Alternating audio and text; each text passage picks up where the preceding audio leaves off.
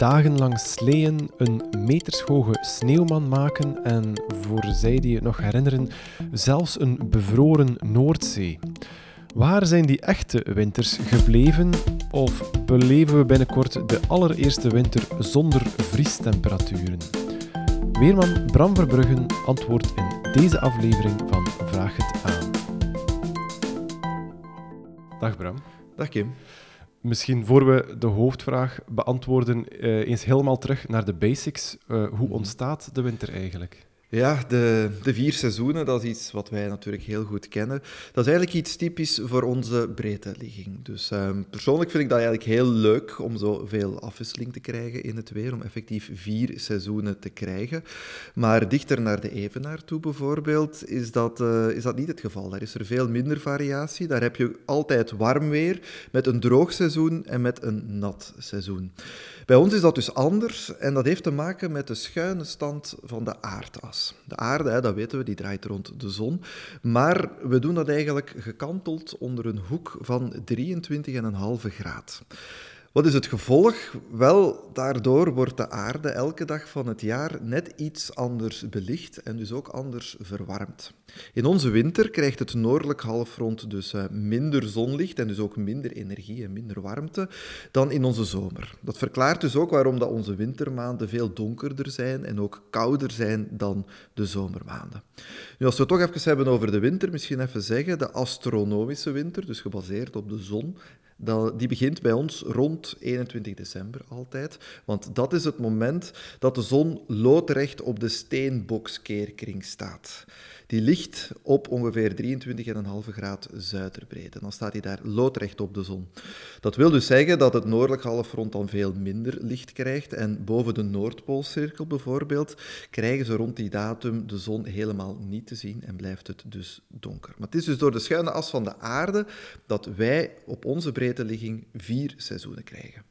Als we naar onze eigen winters kijken, de ene winter uh, hier bij ons is harder, kouder, mm -hmm. de andere is dan weer natter. Ja. Uh, wat zijn de factoren die die lengte, intensiteit van de winter en, en het type weer in de winter beïnvloeden?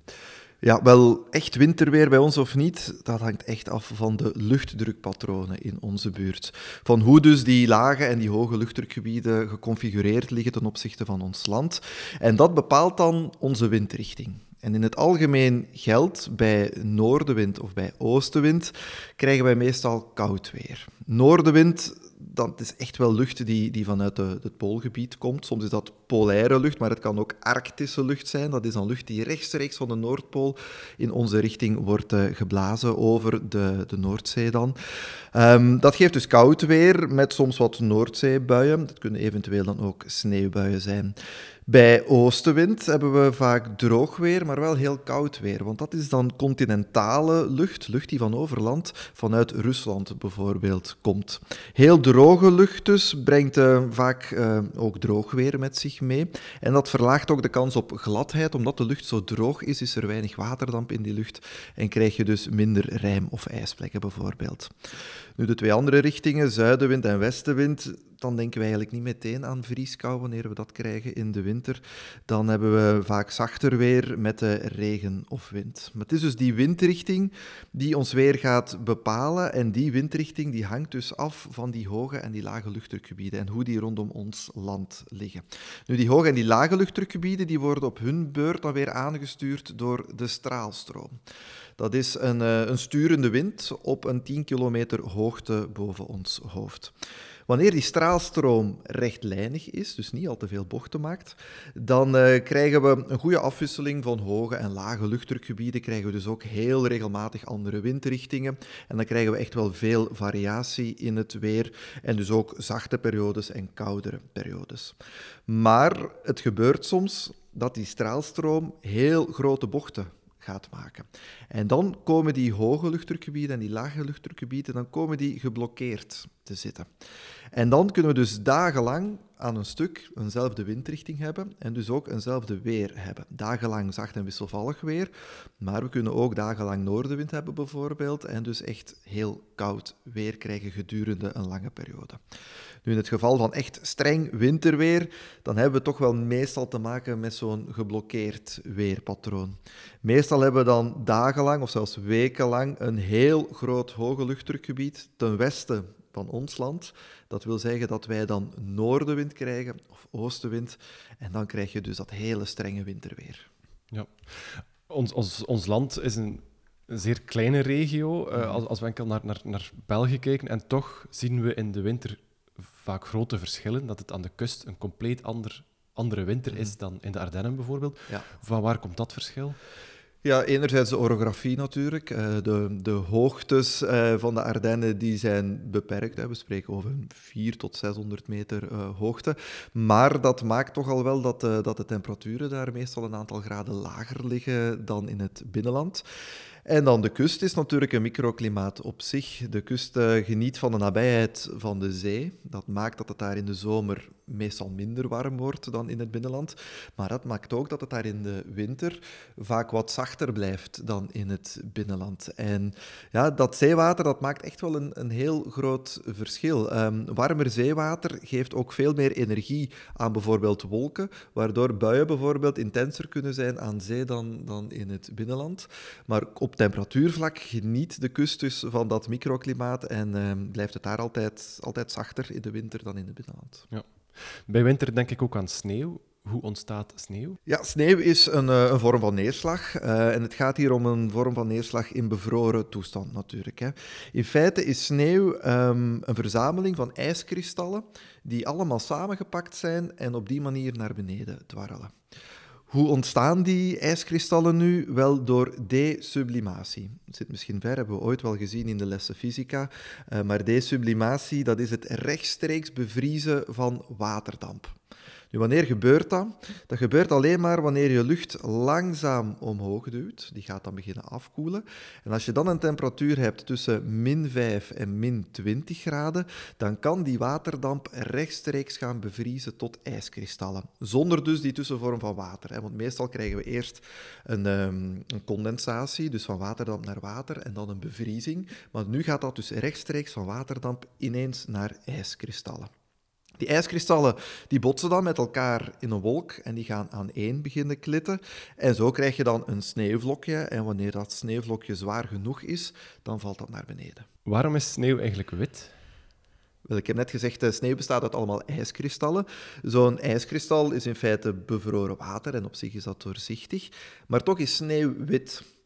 Dat komt omdat sneeuw een verzameling is van al die ijskristalletjes tezamen. Eén ijskristalletje breekt en weerkaatst het licht in verschillende richtingen, maar dus heel veel van die ijskristallen samen, ja, die breken het zichtbare licht in oneindig veel richtingen en in alle kleuren van de regenboog.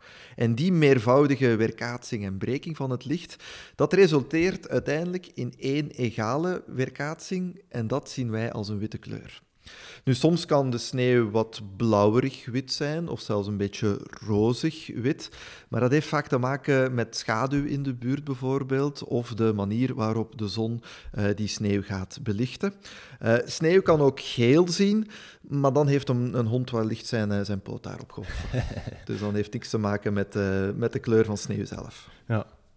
sneeuw kan ook in heel veel verschillende vormen komen. Mhm. Er is smeltende sneeuw, er is echt goede kleverige sneeuw om, om een sneeuwman te maken. Maar er is ook bevroren sneeuw, hagelstenen. Hoe ontstaan al die verschillende vormen? Wel ja, als we kijken naar sneeuw, dan hebben we eigenlijk twee grote soorten. We hebben natte sneeuw en we hebben droge sneeuw. Natte sneeuw of smeltende sneeuw, dat is dus sneeuw die tijdens de val uit de wolk langzaamaan smelt. Wat heb je daarvoor nodig? Eigenlijk warmere luchtlagen tussen de grond en de wolk. Dus als sneeuwvlokje begint te vallen en tijdens de val smelt het dan. En wanneer het terechtkomt op de grond, dan zal het ofwel meteen uh, smelten, wegsmelten, ofwel blijft het heel even liggen en smelt het vrij snel weg. Het mag daarvoor dus niet al te warm zijn. Um, en je hebt dus sneeuw nodig die allemaal door, door warmere luchtlagen naar beneden valt. Nu, als het uh, te warm is, dan gaat dat sneeuwvlokje volledig smelten en dan krijg je gewoon regendruppeltjes. Dan, dan gaat het gewoon regenen. Droge sneeuw, dat zijn dan vaak dikke sneeuwvlokken die door allemaal koude luchtlagen vallen. En die komen dan ook op een meer poederige manier op de grond. Dat is die sneeuw die je nodig hebt om een sneeuwman te maken. Nu, voor dat type van sneeuw moet het echt wel flink vriezen. In de thermometer zou je toch een, een, een, min 5 graden of lager moeten hebben. En dus alle luchtlagen tussen de thermometerhut, dus tussen de grond en de wolk, zouden allemaal een negatieve temperatuur moeten krijgen. Dan heb je ook nog hagel, maar hagel dat is iets volledig anders. Hagel is eigenlijk een, een type waarbij uh, regen- of waterdruppeltjes heel snel gaan bevriezen. Het is allebei bevroren water, sneeuw en hagel. Uh, Wanneer sneeuwt het en wanneer hagelt het? Wel, dan moeten we opnieuw gaan kijken naar hoe het ontstaat. Hè. Dus sneeuw ontstaat door desublimatie. Dat is dus het rechtstreeks bevriezen van waterdamp, dus rechtstreekse overgang van waterdamp naar ijskristallen. Maar hagel gaat op een andere manier ontstaan. Voor hagel heb je waterdruppeltjes nodig in een wolk.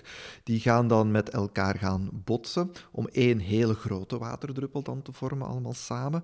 En wanneer die grote waterdruppel dan in een eh, onstabiele wolk, in een onweerswolk bijvoorbeeld, heel snel omhoog geduwd wordt, dan gaat die waterdruppel bevriezen. En dan krijg je een hagelsteentje. Dus hagel is een bevroren waterdruppel en sneeuw, dat is een, een samenpakking van allemaal kleine ijskristalletjes door het bevriezen van waterdamp. Ja.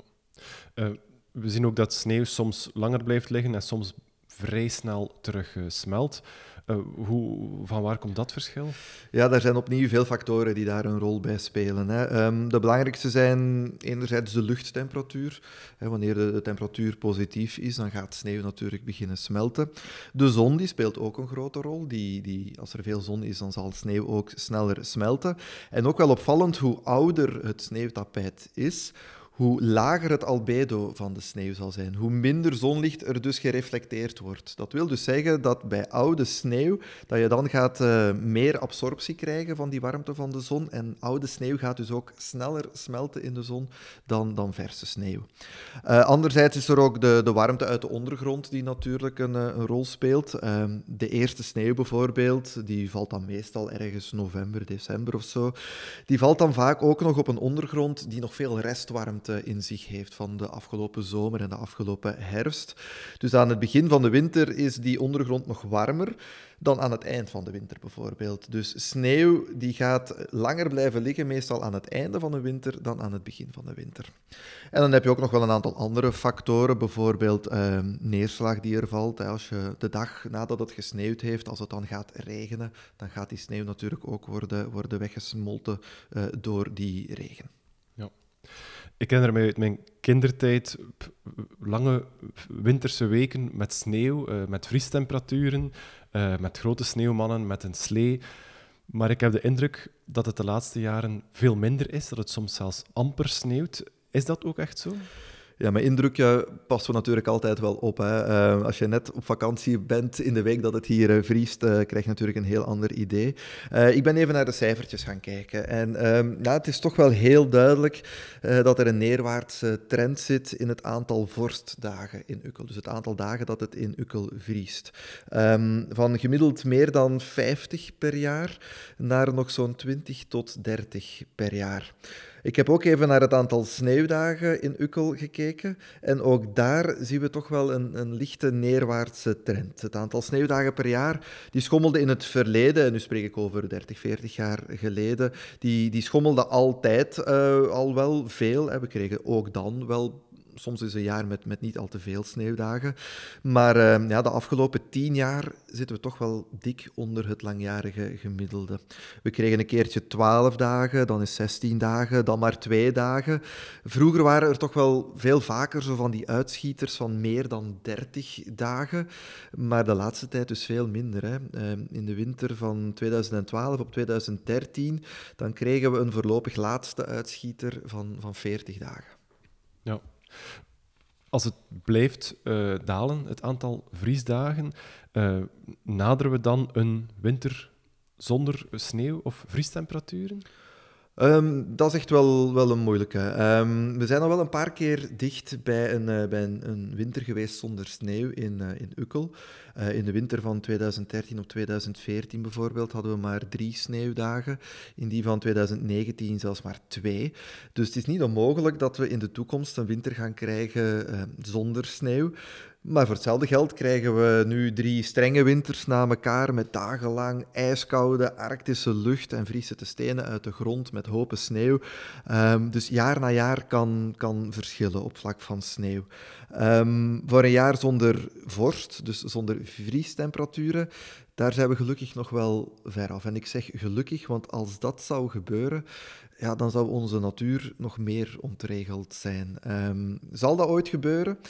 Wel, ik hoop van niet. Ik denk dat jij en ik het uh, nooit meer, of, of, in ieder geval niet meer zullen, zullen meemaken, maar ik hoop dat dat nooit gebeurt, want uh, de impact op onze natuur en op ons milieu zou, zou heel groot zijn. Ja. Je noemde net de cijfers. Tussen een, een 30, 40-tal jaar geleden en vandaag is het aantal vriesdagen bijna gehalveerd. Um, is dat de klimaatverandering die we aan het werk zien? Ja, zeker weten. Hè. Nu, er zullen altijd nog wel jaren zijn die er tussen uitschieten. We krijgen ook in de toekomst nog wel, wel vorst en, en veel sneeuw. Maar um, als we kijken naar het klimaat, dan kijken we eigenlijk naar gemiddeldes. Meestal gemiddeldes over een periode van 30 jaar. En die neerwaartse trend van het gemiddeld aantal vorstdagen en het gemiddeld aantal sneeuwdagen per jaar, die is toch wel heel erg duidelijk. Nu, over het algemeen stijgt de temperatuur op aarde. Onze aarde warmt op. Uh, 2023 zal opnieuw een recordjaar worden, wellicht. Dat weten we. Dat meten we nu ook al vele jaren na elkaar, dat de aarde opwarmt. En in zo'n warmer wordende atmosfeer, zeker bij ons, zorgt dat nu eenmaal voor minder sneeuwdagen en voor minder grote hoeveelheden sneeuw. En de gevolgen zijn al, zijn al heel duidelijk. Hè. Er zijn al een aantal skigebieden bijvoorbeeld in de Alpen die hun deuren hebben gesloten gewoon omdat het uh, niet meer rendabel is om het, uh, om het open te, te doen. Maar opnieuw, uh, elk jaar is anders. Dus ook in de toekomst zullen er nog wel uitschieters zijn. We krijgen nog strenge winters en we krijgen nog hopen sneeuw. Heeft dat gevolgen, dat gebrek of dat, dat toch verminderen van het aantal vriesdagen op, op de natuur, op het weer? Dat is heel moeilijk om dat in te schatten voor een weerman natuurlijk. Maar um, ik denk het zeker wel. Als je kijkt naar, uh, naar wanneer het voor de eerste keer gaat vriezen, bijvoorbeeld, ook dat vaak, valt vaak later op het jaar. En dat heeft natuurlijk gevolgen voor bijvoorbeeld onze bomen. Um, wanneer vallen bladeren van de bomen? Wel, die vallen vooral van de bomen wanneer het een keertje gevroren heeft. Het steeltje van het blad bevriest dan en daardoor wordt dat weker en valt het blad sneller naar beneden. Um, wanneer het steeds later op het jaar pas begint te vriezen, dan gaan we dus ook soms periodes krijgen met veel wind, waarbij er nog altijd heel veel bladeren aan die bomen hangen. De kans dat een boom dan valt, is dan gewoon groter. Dus ook in die zin kan vrieskou en het wegblijven van vrieskou kan een grote impact hebben op onze, op onze natuur. Maar ik denk ook aan al de, al de andere flora en ook zelfs de fauna, de dieren die, de dieren die um, volledig op een biologische klok leven, die ontregeld geraken omwille van het warmere weer vogelmigraties die later op het jaar zullen plaatsvinden, of zelfs niet meer zullen plaatsvinden in de toekomst, als het hier warmer blijft. Um, winterslapen die onderbroken worden door een plotse warme periode bijvoorbeeld. Dus ook dat kan, kan invloed hebben op flora en fauna. We kennen allemaal de hittegolf van in de zomer, langdurig uh, warm weer. Bestaat er ook zoiets aan de andere kant van de thermometer, een langdurige periode met permanente vrieskou? Ja, dat bestaat ook. En uh, we, noemen dat een koude golf. Hè. Het ehm, KMI heeft daar een definitie voor. Dus we spreken van een koude golf wanneer we een aaneensluitende periode hebben van minstens vijf dagen waarop de maximumtemperatuur onder het vriespunt blijft. En waarbij daarbij nog eens minima op minstens drie van die vijf dagen lager zullen zijn dan min 10 graden. Dus dat is echt wel heel koud weer. Um, maar dat gebeurt wel af en toe. We hebben koude golven gehad in uh, 1917, in 42, 54, 84, 91, 97. Ook nog in 2009. En de laatste koude golf die dateert uit uh, 2012. Nu, het is vooral in die periodes, die periodes van koude golven, dat bijvoorbeeld de Elfstedentocht in Nederland uh, kans heeft om plaats te vinden. Hè. Nu, de laatste Elfstedentocht, dat is al wel eventjes geleden, die dateert van de heel koude periode van 1997. Ehm, nu, wat, wat, heb je daar nu voor nodig voor zo'n koude golf? Wel, ja, dagenlang ehm, koude lucht die naar onze regio komt. En de redenering geldt hier ook weer. Hè. We hebben een, een, windrichting nodig die die koude lucht aanvoert. Dus een noordenwind of een oostenwind gedurende meerdere dagen, dat kan leiden tot een koude golf. Ja. Je begon net over de Elfstedentocht. Er zijn heel veel mensen die vrezen, die beweren dat we die nooit meer zullen zien. Wat denk je zelf? Ik hoop natuurlijk van wel, um, maar ook daar, eh, dat is iets dat we jaar na jaar moeten, moeten bekijken. Um, gaat er ooit nog een koude golf komen? Ik denk het wel. 2009, 2012 hebben we er nog eentje gehad. Um, als we toevallig volgende winter een aanvoer krijgen uit het noorden gedurende tien dagen, dan denk ik wel dat we een koude golf gaan krijgen. En dan is er opnieuw kans op een Elfstedentocht. Um, gaat dat nog heel vaak voorvallen? Dat zeker niet. Dus de kans is, wordt, wordt kleiner, maar ik denk dat we nog wel eens een uitschieter zullen hebben met heel koud weer. Die extreem koude winter van 2012, toen was er sprake van een polaire vortex, als ik het goed herinner. Wat is een polaire vortex? Wel, ik ben heel blij dat je het daar even over wil hebben, want er bestaat een heel grote misvatting rond die benaming. Inderdaad, in de media werd die naam gekoppeld aan een eh, lange periode van koud weer, maar in feite is de polaire vortex iets, uh, iets heel anders. Als we even kijken naar de naam polaire vortex, uh, polair, het heeft dus te maken met, met de polen, en vortex betekent eigenlijk een soort van draaikolk. Hè. In feite gaat het hier om een lage luchtdrukgebied, een vortex die ronddraait boven de Noordpool. Op een hoogte van ongeveer 30 kilometer. En eigenlijk gaat het om een, eh, een stevige wind die ronddraait rond ijskoude lucht op 30 kilometer hoogte boven de Noordpool. Nu, die polaire vortex die is er altijd. Ook in de zomer heb je die polaire vortex. Dat is dus dat lage luchtdrukgebied dat quasi constant voor een westelijke wind boven de Noordpool zorgt. Hoog boven de Noordpool, hè, op 30 kilometer hoogte. Als je nu gaat kijken naar die isobaren rond dat lage luchtdrukgebied, dan zijn dat meestal heel mooie cirkels rond de Noordpool, rond die ijskoude lucht dus in de hoogte. En meestal zijn dat dus mooie cirkels en is de stroming dus mooi rechtlijnig. Maar soms niet. Heel af en toe gebeurt het dat er vanuit nog hogere luchtlagen, en we beginnen stilletjes aan van de stratosfeer te spreken, dus de, boven de troposfeer heb je de stratosfeer, boven de 30 kilometer dus. Soms gebeurt het dat er warmere lucht vanuit die stratosfeer naar beneden wordt geduwd, in die polaire vortex, in die ijskoude lucht dus. En dat gaat die vortex verstoren. Het temperatuurcontrast zal dus wat lager zijn en die normaal rechtlijnige stroming rond de Noordpool, die gaat beginnen bochten vertonen. En in, in extreme gevallen kan het zelfs zo ver gaan dat de stroming, de westelijke stroming, dat die gaat omkeren. Dat je een oostelijke stroming krijgt. Nu, wat is het gevolg? Alle luchtlagen die lager liggen, die gaan zich beginnen aanpassen aan die veranderende stroming van die polaire vortex. Ook de straalstroom bijvoorbeeld. Hè. We hebben het daar juist over de straalstroom gehad. Die stuurt ons weer aan. Wel, als de polaire vortex begint bochten te vertonen, dan zal ook de lager gelegen straalstroom bochten beginnen te maken. En dat dan kan zorgen voor een geblokkeerd weerpatroon. Dus de luchtdrukgebieden die daaronder liggen, die gaan geblokkeerd komen te zitten. Dan krijg je van die hele grote weerblokkades. En als je dan aan de verkeerde kant zit van zo'n weerblokkade, dan kan het zijn dat je dus dagenlang of zelfs wekenlang ijskoud weer krijgt. Dat je dagenlang, wekenlang noordenwind of oostenwind krijgt.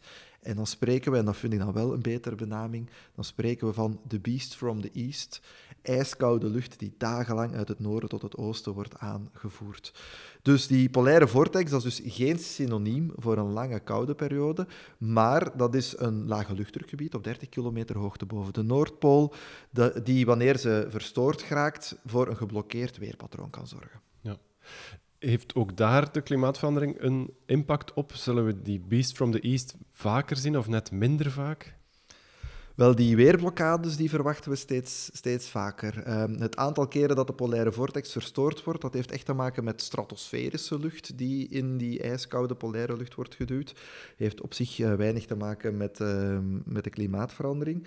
Maar dus uh, het feit dat de straalstroom steeds vaker geblokkeerd of, of steeds vaker bochten zal maken, waardoor de weerpatronen geblokkeerd geraken, dat gaan we wel vaker tegenkomen. Dus de kans op geblokkeerd weer is steeds groter. En dan hangt het er nog vanaf waar ons land zich bevindt ten opzichte van de blokkade. Uh, is dat aan de, de goede kant, laat ons zeggen, dan krijgen we zacht en wisselvallig weer. Is dat aan de minder goede kant, dan krijgen we koud en, en, uh, en, en meestal droog weer. Um, dus dat is jaar na jaar anders. Dan wil ik het ook nog hebben over uh, hinderlijke gevolgen van dat vriesweer, van dat wintersweer voor ons dagelijkse leven. Als het vriest, als het sneeuwt, dan zien we vaak enorme files of zien we meer ongelukken. Het is ook uw taak als weerman om, om het, eh, de gladheid van de weg te voorspellen uh, en dat mee te geven aan, aan de kijkers van het weerbericht. Hoe kom je tot zo'n advies? Wel, ja, het KMI is, is mijn raadgever daarin. Um, het KMI heeft ook um, een eigen weermodel rond gladheid, een, gladheidsbestrijdingsmodel. Dat is eigenlijk een aparte weercomputer die um, specifiek berekeningen maakt als het aankomt dan op gladheid op de weg. Dus die gaat met heel veel verschillende factoren rekening houden. We hebben een modellering gemaakt van, van op welke manier het weer een wegdek kan beïnvloeden. En het komt eigenlijk aan op berekeningen van dat weermodel en dan een inschatting van de lokale weervoorspeller um, om een voorspelling te maken van gladheid op de weg. En dat is niet altijd even eenvoudig. Ja. Ja, want welke factoren hebben een invloed op de gladheid van de weg? Goh, echt heel veel factoren. In feite, als je kijkt naar een weg, in feite is dat een aaneenschakeling van allemaal microklimaten. Rij je bijvoorbeeld van een open vlakte een bos binnen, ja, dan gaat de zon ineens wegvallen. Dus um, in een bos mag je wat meer aan gladheid verwachten um, bij zonnig weer dan bijvoorbeeld op een open vlakte. Rij je dan een brug op, dan krijg je ineens een stuk wegdek zonder een ondergrond. En dat heeft een enorm grote invloed op de, op de gladheid op die brug. Dus er zijn heel veel factoren die meespelen als het uh, op gladheid aankomt. Uh, laat ons misschien beginnen met de aard van het wegdek. We hebben betonbanen, maar we hebben ook asfaltwegen. Beton en asfalt die hebben elk eigen thermische eigenschappen.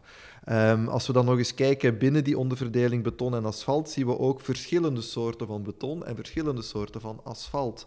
Dus bij gelijkaardig weer kan het ene soort asfalt gladder zijn dan het andere soort asfalt. Dus heel veel, uh, heel veel variatie als het aankomt op uh, de aard van het wegdek.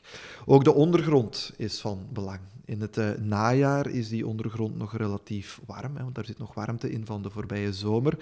En die gaat dus dat wegdek van onderuit verwarmen. Maar aan het eind van de winter is de warmteflux van die ondergrond veel minder en zal dus ook een wegdek veel sneller, sneller gaan afkoelen. Denk bijvoorbeeld ook maar aan een brug, hè, dat heb ik daar juist al kort even laten vallen. Een brug heeft geen ondergrond, dus daar is geen warmteflux. Dus een brug zal sneller afkoelen dan een wegdek met een ondergrond. En dan heb je nog veel andere factoren die met het weer te maken hè, hebben. Hè. De, de luchttemperatuur bijvoorbeeld, um, die verwarmt of koelt het wegdek af langs de bovenzijde. Uh, wind zorgt dan weer bijvoorbeeld voor windchill, dus voor een snellere afkoeling. En uh, bijvoorbeeld weer een, een brug, hè, die ondervindt ook heel veel windchill langs onderen uit, maar ook langs de bovenkant, dus bruggen koelen sneller af. Je hebt ook uh, luchtvochtigheid die een, uh, een rol speelt. bij oostenwind bijvoorbeeld heb je heel droge lucht meestal, die van over land komt. meestal de afwezigheid van waterdamp zorgt dat, voor, zorgt dat voor weinig of geen gladheid bij die oostenwind. Terwijl alle andere windrichtingen brengen wel meer luchtvochtigheid met zich mee en dan krijg je dus sneller rijmplekken, bijvoorbeeld. Dus heel veel factoren. De zon die kan helpen om een wegdek te ontdooien, maar wanneer je dus dat bos binnenrijdt met veel schaduw, dan kan je toch wel plots voor uh, verrassingen komen te staan. En dan heb je nog neerslag. Hè. Neerslag kan, uh, kan het extra glad maken. Ik denk dan aan sneeuw, uh, aan aanvriezende regen. Maar sneeuw kan ook nog eens bijkomend warmte gaan onttrekken aan een wegdek. Bijvoorbeeld uh, regen die gevallen is, wanneer die gaat verdampen, zal die verdamping water, of warmte onttrekken van het wegdek en zal dus de temperatuur van het wegdek naar beneden gaan.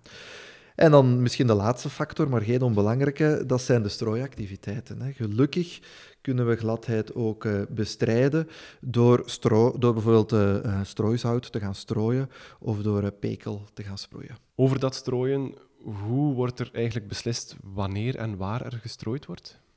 Ja, dat zit eigenlijk heel ingewikkeld in elkaar. Um, de strooidiensten, dat is een gedeelde verantwoordelijkheid. Um, het is zo dat uh, de autostrades en de grote gewestwegen, die vallen onder de bevoegdheid van de Vlaamse overheid. En die worden dus behandeld door Agentschap Wegen en Verkeer van de Vlaamse overheid. Um, de gemeentelijke wegen, dat is dan weer een gemeentelijke bevoegdheid. En het komt daar dus aan op de gemeente zelf. Dus elke gemeente moet daar apart een beslissing gaan nemen.